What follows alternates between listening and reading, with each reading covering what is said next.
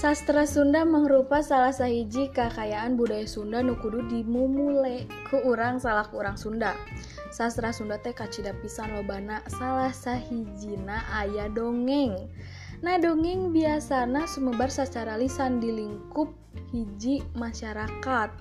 Nah dongeng oge bisa jadi pikan bahan ajar serta nambahan pangaweruh tina amanat-amanat nu aya di jerona. Jenis dongeng loba pisan aya fabel, parabel, sasakala, mitos, jeung rea-rea deui. Tah kumaha? Tos penasaran ngeunaan dongeng-dongeng nu aya di Jawa Barat? Yuk ah urang dangukeun sarta tong hilap di follow podcastnya Rita. Hatur nuhun.